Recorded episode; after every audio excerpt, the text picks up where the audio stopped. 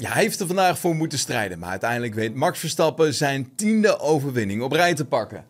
Perfect 10, zoals hij hier doet. En hiermee verbreekt hij het record van Sebastian Vettel. Zondagwedstrijd op de Temple of Speed uh, ging 20 minuten later dan gepland uh, van start vanwege de ontplofte Honda-krachtbon van Yuki Tsunoda in de opwarmronde.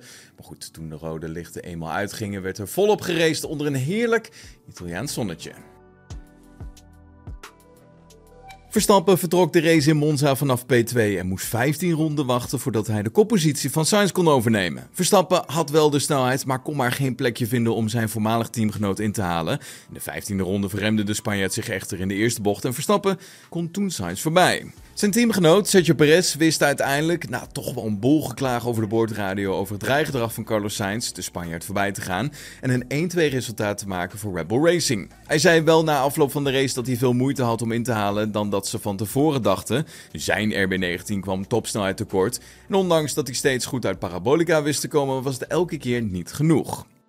Ik zette wel druk op Charles, maar hij kreeg steeds de DRS van Carlos. Ik heb veel met ze gevochten, maar uiteindelijk hebben we allebei kunnen pakken. We hebben veel vooruitgang geboekt. Qua afstelling heb ik meer vertrouwen gekregen in de auto. Ik verwacht dat ik in mijn beste vorm zit in de laatste races van het seizoen. Ja, het gevecht om de laatste podiumpositie werd een ware titanenstrijd tussen de twee Ferrari-teamgenoten. Uiteindelijk bleef Sainz voor Leclerc, maar er waren toch wel een boel momenten waarop de duo elkaar raakte.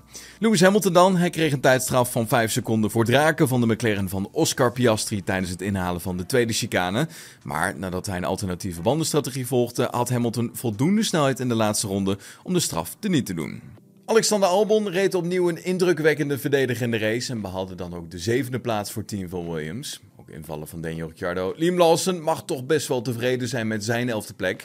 Net buiten de punten, maar zeker niet gek voor de tweede race en zijn eerste echte volledige Grand Prix weekend. En Charles Leclerc kwam dus als vierde over de streep tijdens de thuisrace van Ferrari.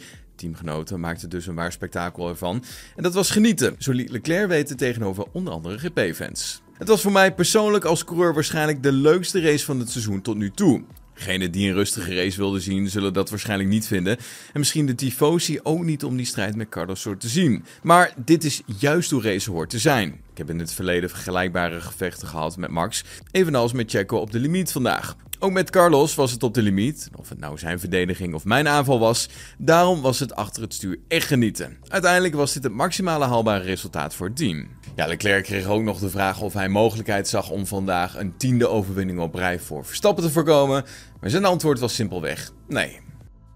De zegenrace moet een keer ten einde komen, maar momenteel hebben wij niet de raceauto om daarvoor te zorgen. Er is altijd een soort dominantie geweest in deze sport. Nou, Max en Red Bull doen het geweldig, dus ze verdienen dit.